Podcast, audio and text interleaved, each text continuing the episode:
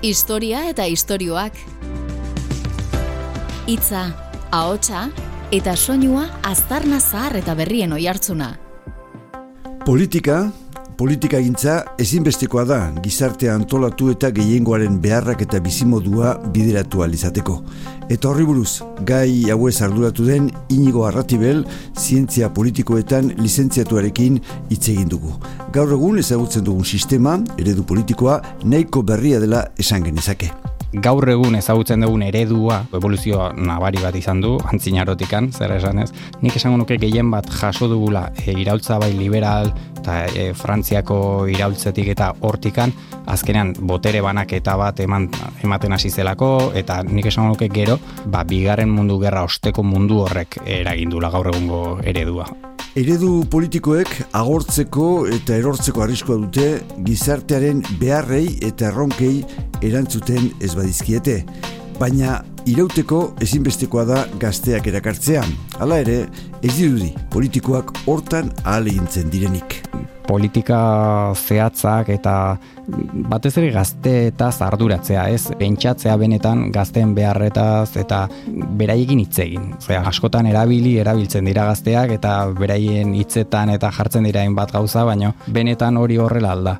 Politika gintza eta eredu politikoak aztergai inigo arratibel zientzia politikoetan lizentziatuarekin izketan.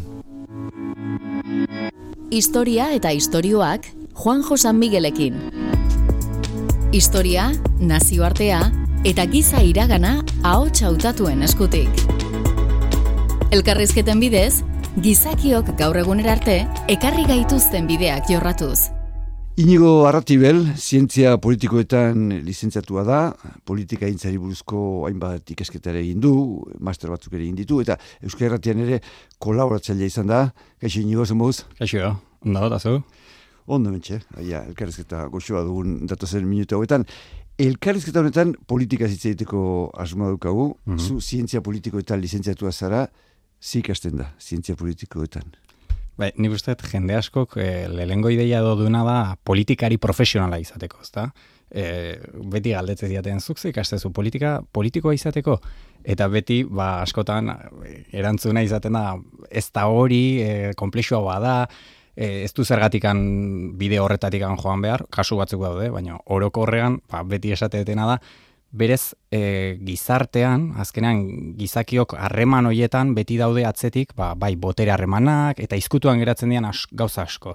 Ez soilik ba, guk telebistan ikuste ditugun politikariak eta eta politikak, zintzia politikoak, aztertzen dituena dira, ba, hain justu botere harreman hoiek, gizartea zeeran egituratzen den, eta azken finean ba, lege hoiek, ez? E, gizakion artean dauden lege hoiek azpian geratzen diren hoiek eta nik esango nuke hori dela aztertzen duena. Pixat, arraro edo kontrasan korre egiten da, zientzia eta politika edo politika intza eta zientzia, hmm. nola ustartzen dira, bi terminoiek? Nik esan nuke, e, galdera horrek edo polemika era egiten duela oraindik ere, ze badaude, ba, zientzia puruak edo esaten diren karrera hoietako adituak, ez dute, giz, orokorren nik esan nuke, gizarte zientziei, e, zientzia kategoria hori edo batzuk ukatu egiten diotela.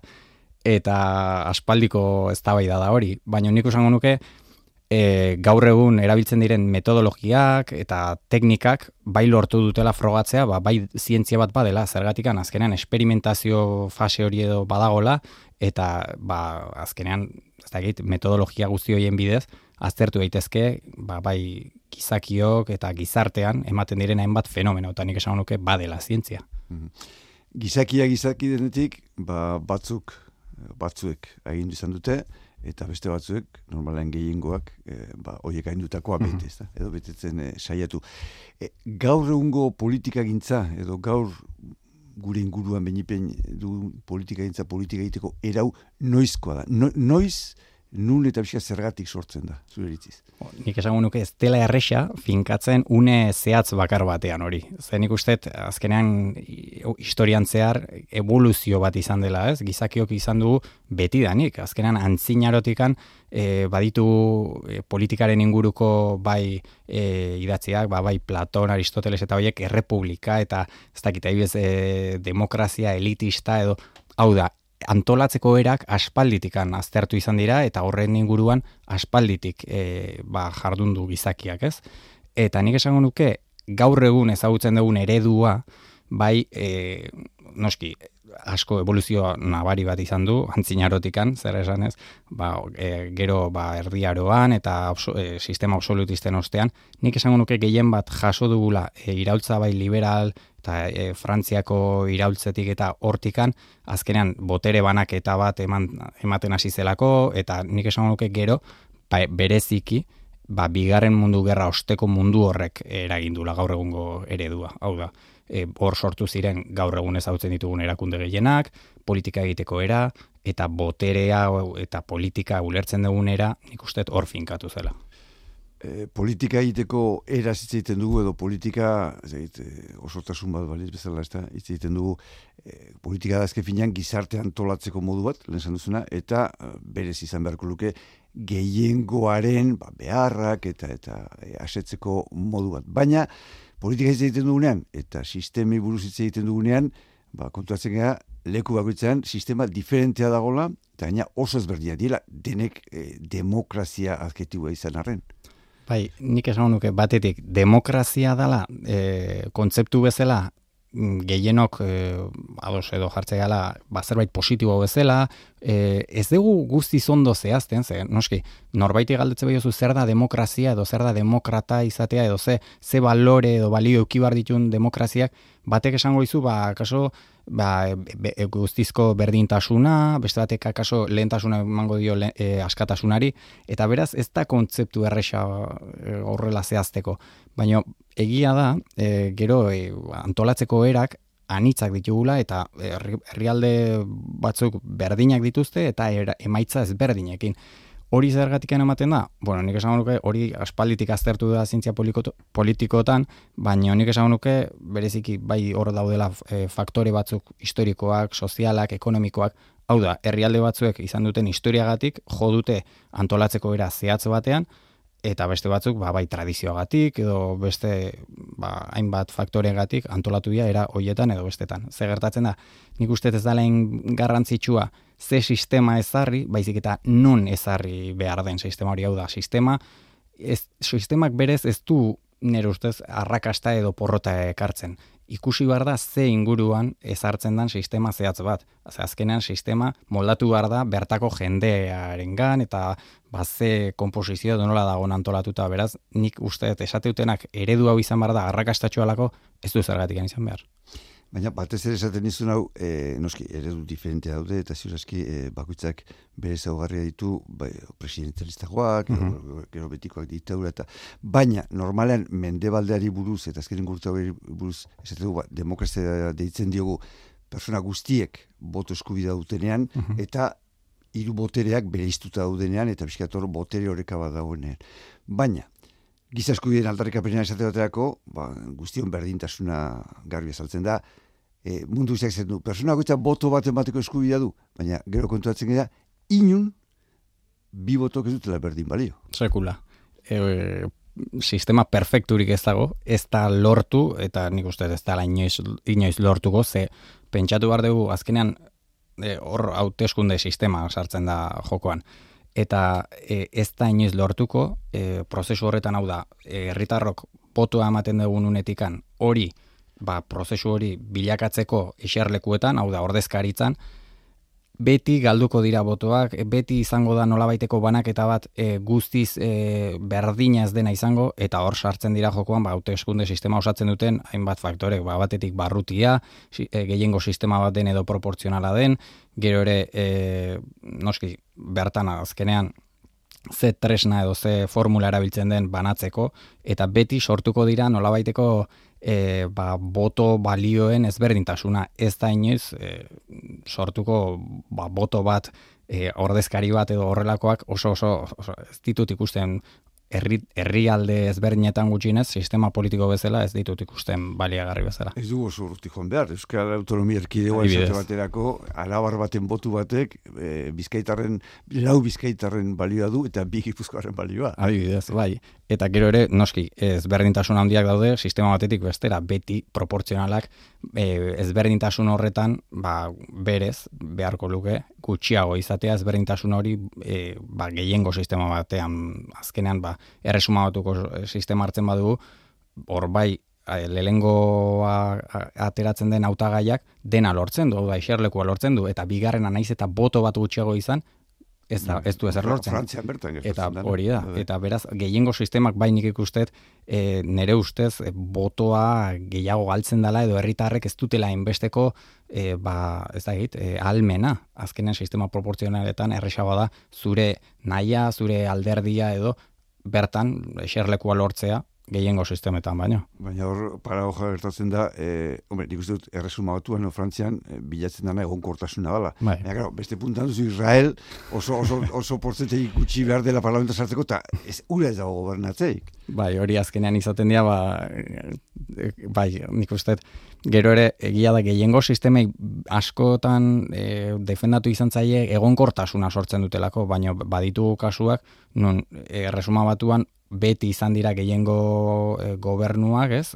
Baina azken aldian badirudi justu hain justu azkeneko autoeskundetan ez, baina e, Cameronekin lendabizikoz lortu zen nola bat lehengo gehiengo oso bat ez izatea, eta bueno, izan dira kasu batzuk gehiengo sistemetan guztiz e, ba, gobernuaren sendotasuna ez dena eman, eta aldiz proportzionaletan koalizioen e, tradizioa oso barneratuta dauden herrialdetan egonkortasuna hori ere ikusi daiteke. Mm e, demokrazia ipatzen dugunean, e, Grezia atorki burura, baina, bueno, ura demokrazia bai, baina e, nola baitekoa zan, ez da? E, boto eskubida oso oso e, mugatua zeolako.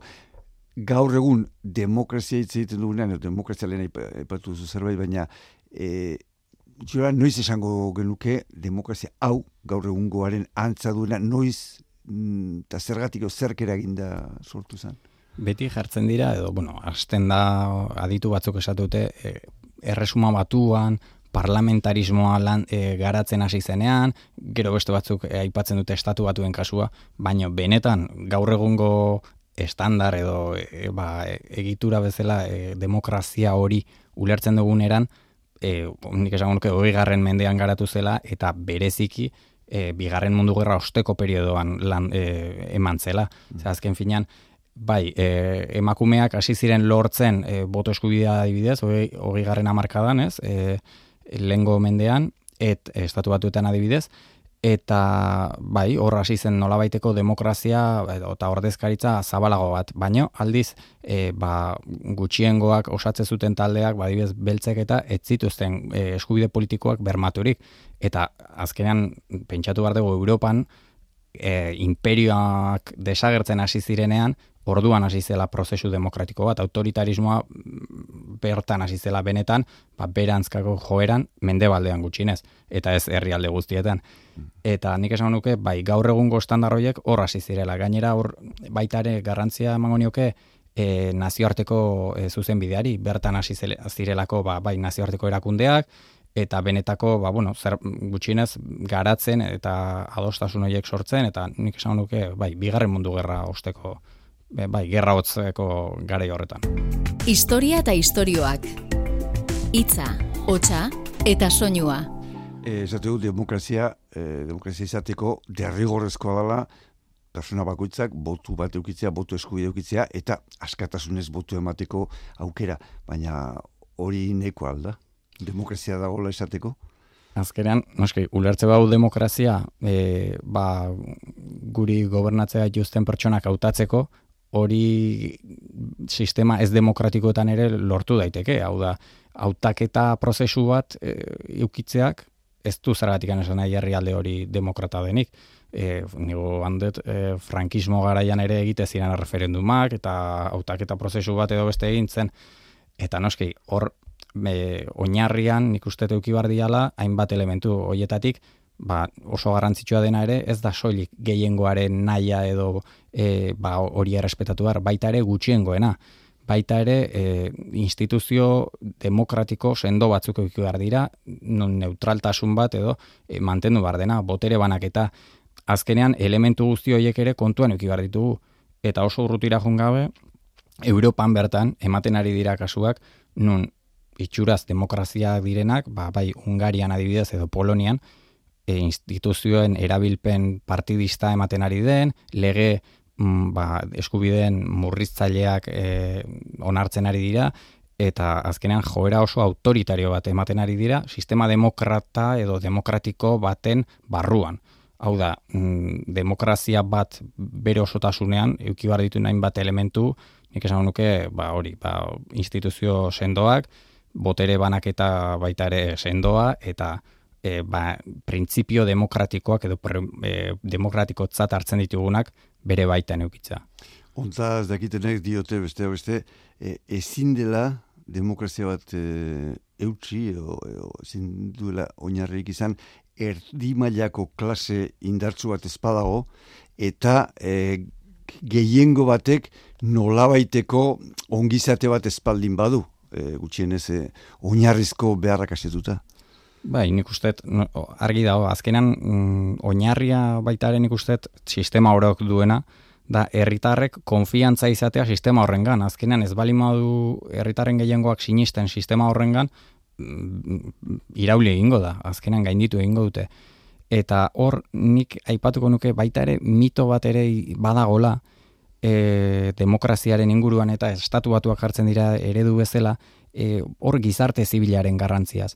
Eta beti esaten da, e, lehentasuna demokrazia sendo bat izateko gizarte zibil sendo bat egon behar dena. Baina hor badu kasu bat, eta adibide oso garbi bat, garbi bat, e, behin marreko errepublika garaikoa, Alemanian garai hortan, e, gizarte zibila oso garatua zegoen, izugarri garatua, e, asoziazio pilo bat zeuden, ba bai, ez dakit, mendizaleena, ez dakitzen bat talde, e, gero ez dakit zerritarrena, eta azkenean asoziazio politiko hori oso oso aktiboa zen. Ze gertatu zen, instituzioak garai horretan ez zirela bat ere sendoak, oso aulak ziren, mhm. eta izugarrizko polarizazioa sortu zela garai hortan.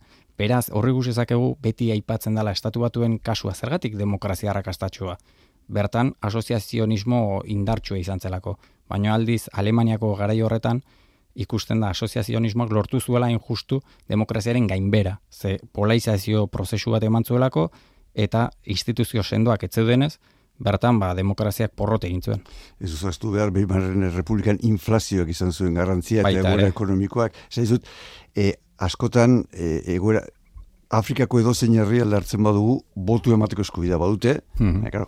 Oinarrizkoa ez dute asetuta. Zentzu hortan esaten zu pixkat, e, politikaz edo botuaz aparte besteak ere Bai, bai, eta nik ez nituzke banatuko azkenean egoera ekonomikoak baita ere ez du laguntzen eta areagotu egiten du baina baita ere nik uste dut e, horri erantzuna emateko, noski, egoera ekonomiko horren aurrean, eta mm, beharrezkoak diren e, ba, lehen gaiak edo be, ba, e, edo bizitzeko beharrezkoak diren baldintzak ez balima dira batetzen, azkenean no, argi dago jendearen aserrean, era batean edo bestean, ba, nun baiten bukatzen duela, eta bai, sistema bera gainberan, bai, gainbera bidea duan. Leia demokratikoan, normalean, bueno, ideologia edo e, gizarte antolatzeko era ezberdinak e, azaltzen ezkigu, daude, garatu ira, normalean eskubia eta eskerra izan da ba, hori bere izteko deiturak. Gaur egun e, baldu arrazoirik edo badago bere iztu aldeitezke edo nola ikustu hori, esku, eskubia eta eskerra? Batzuk esatute hori ja beste garai batekoa dela, Fukuyama berak idatzi zuen e, historiaren amaiera, eta nolabaiteko e, sistema edo orden liberalaren lentasuna edo gailentasuna emango zela, ez? Eta e, ikusi dugu azken hamarkadetan gutxienez hori horrela ez dela izan. E, sistema autoritaristak gora egin dute, geroz eta indar gehiago dute eta demokrazia, mendebaldeko demokrazia liberalek gainbera bidea hartu dutela eta azkenean hori ez dela eman, ez? E, orden liberal hori. E, nik uste gaur egun bai jarraitzen duela e, garrantzia eukitzen ezker eskuin ezberdintasunak ez lehen e, zuen era berean eta gainera nik gehituko nioizkioke bueno, ardatz horri ezker eskubiari baita ere beste bat autoritarismo eta kosmopolita edo izatearen edo balio kosmopolitak izatearen e, ba, ardatz horri ez? E, gehituta. Bi hoiek noski ikusi barko genuke zelekuan aplikatzen diren, ze adibidez hoiek klibatxak edo bezala e, izendatzen zaie eta adibidez gure kasuan hor ere identitate nazionala ere jokoan egongo litzateke, hau da e, euskaldun edo espainiar eta beste Israelen beste Palestinan ere, hau da leku ezberdinetan e, ez, ez da soilik ezker eskubi. Ikusi barko genuke zer realitatearen inguruan ari geran hitz egiten. Baina orokorrean horrela esateko nik uste dut gaur egun oraindikan ezker eskubiak baduela zer esana. E, normalean, e, lehen e, komentatu duzu eta lehen itzen dugu e, demokrazia nola izateko hasi zala estatu batuetan eta resuma batuan, hori jartzen ditu bi demokrazarren bezala, e, Europan eta oro mende baldean, Japonia eta sartzen dugu bigarren mundu gerra ondoren, demokrazia du hori, hau da, hemen gaur egun duguna arriskuan dago, gainberan dago, galtzeko zorian egon daiteke? Nik esango nuke, galtzeko ez dakit baino, gainberan edo arriskuan dagoela, bai ikustea besterik ez dago, e, ba, indar e, alderdi ezberdinak, autoritaristak direnak, eta muturreko e, ba, planteamenduak dituztenak, geroz eta indar gehiago lortzen ari direla, e, leku oron, estatu batuetako kasua jutea balimagera adibidez, ikusi ezakegu gizartea guztiz polarizatuta dagoela, eta edo mutur batean zaude edo ia beste batean, eta azkenan ez dituzu erdibideak edo ikusten, oso gainera nik usteet bizikidetzarako ba, jarrera oso batera ezinak ari direla hartzen, eta azkenean bai ikustetela ba, orain arte bizi izan ditugun errealitate horiek ba, pixka bat kolokan gutxinez. Normalean eh, esaten da sistema politikoak agortu egin dituzte. Azkenean sistema politiko bat sortuta dago, sortzen dute eh, egoera batzuei, erronka, erronka batzuei aurre egiteko. Eh, gai ez dienean agortu egiten dira, hemen e, olako zezeron diteke gaur egungo egoerari edo datozenei edo bizizan ditugun azkenei erantzuteko Bai, nik uste azkenan e, globalizazio garaia hasi zenetik eta gero e, bai krisi ekonomikoak izan ditugunak eta mm, hoien aurrean herritar askok ikusi du ba aurretikan bere gurasoak eta e, ba, aurretikan etorri zirenak behaien bizitza hobetzen joan zela, baina beraien bizitza aldiz ba, une honetan okertzen ari dela. Eta erantzunik ez dit, edo erantzun zuzenik ez duela ematen gobernuak edo ez duela almenik.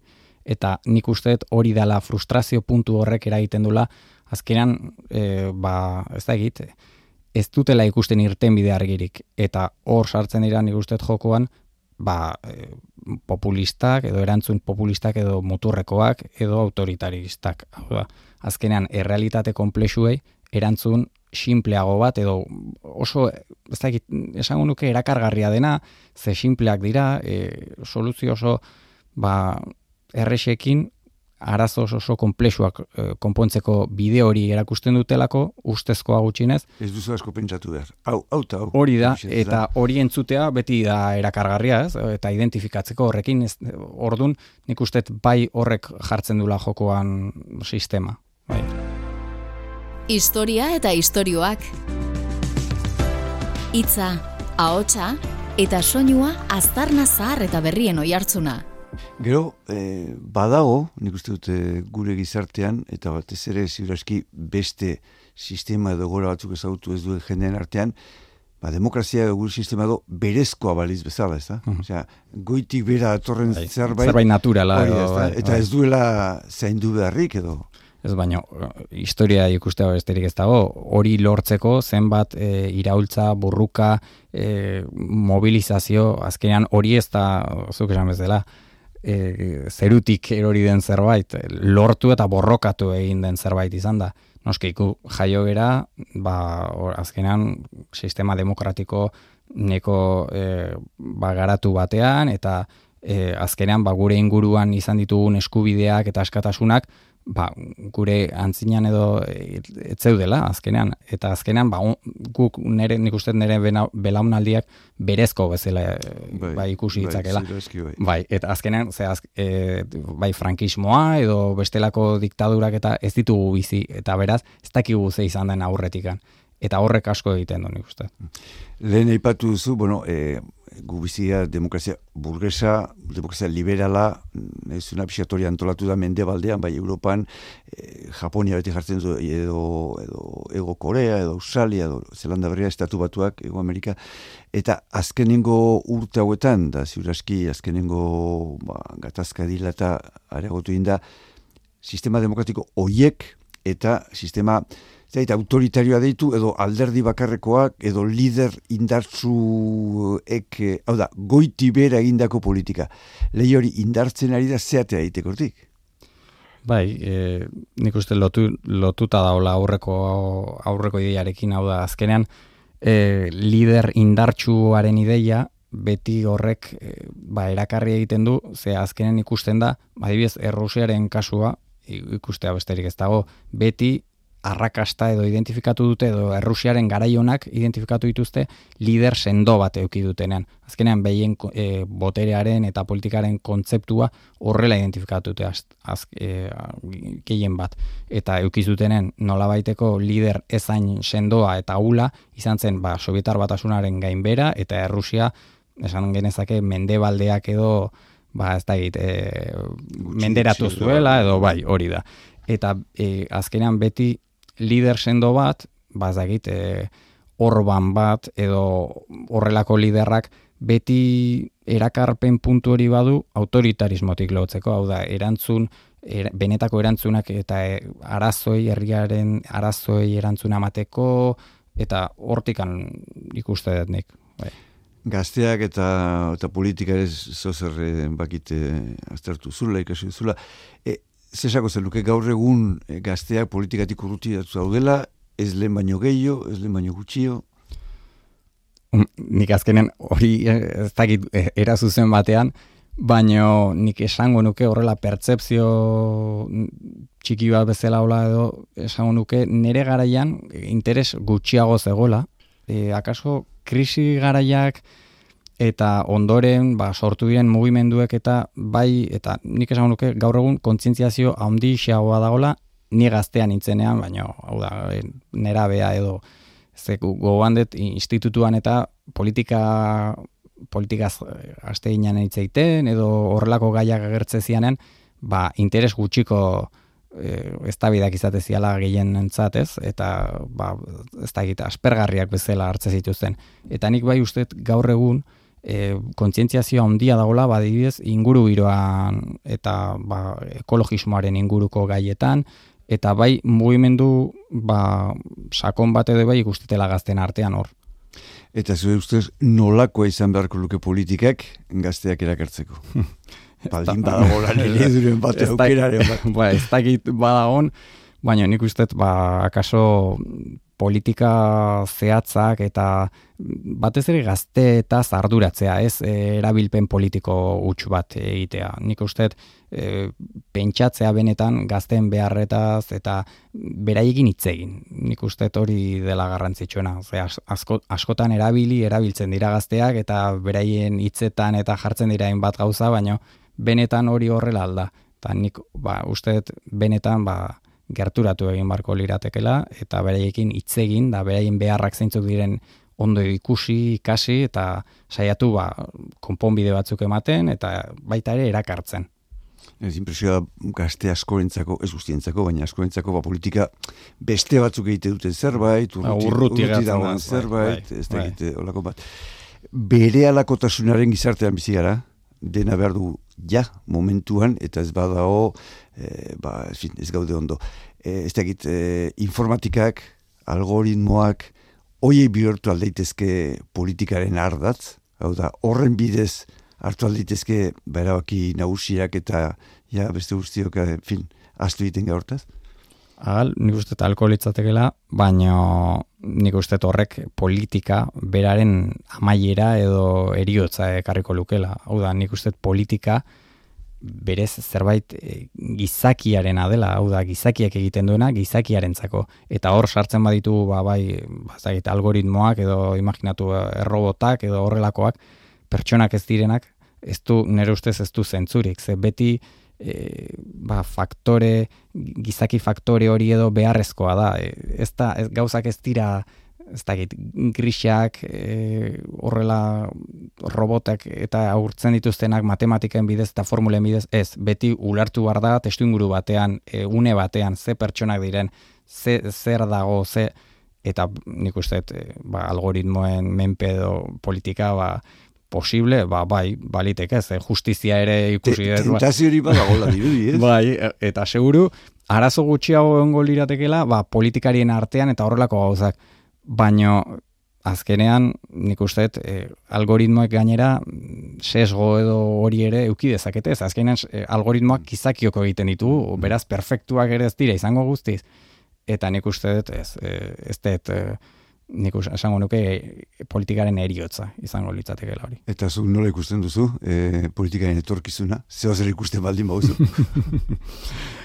ba, bueno, ikusita azken urteetan, da, ze joera eta nondik handoan, ba, pixkat kezkatuta. Hori bai, e, ikusten ari gira, nola, ba, bueno, demokrazia asko ahultzen ari direla, e, mugimendu autoritario asko gailentzen, eta nik ez dut, ez dakitze pasa daiteke, baina demokrazia berez ez dut ikusten arriskuan erazuzen batean, baina bai kolokan eta orain arte genituen eskubide asko eta bueno, ba, berezko genitunak bai hoiek hoiek bai jarri ditzaket arriskuan. Mm. Ba, indigo arratibel, mila mila esker zure azalpen gatik, eta horrengo arte. Oso ondo, eskerrik asko zuei. Historia eta istorioak Juan Josan Miguelekin. Historia, nazioartea eta giza iragana ahots hautatuen eskutik. Elkarrizketen bidez, gizakiok gaur egunera arte ekarri gaituzten bideak jorratzen.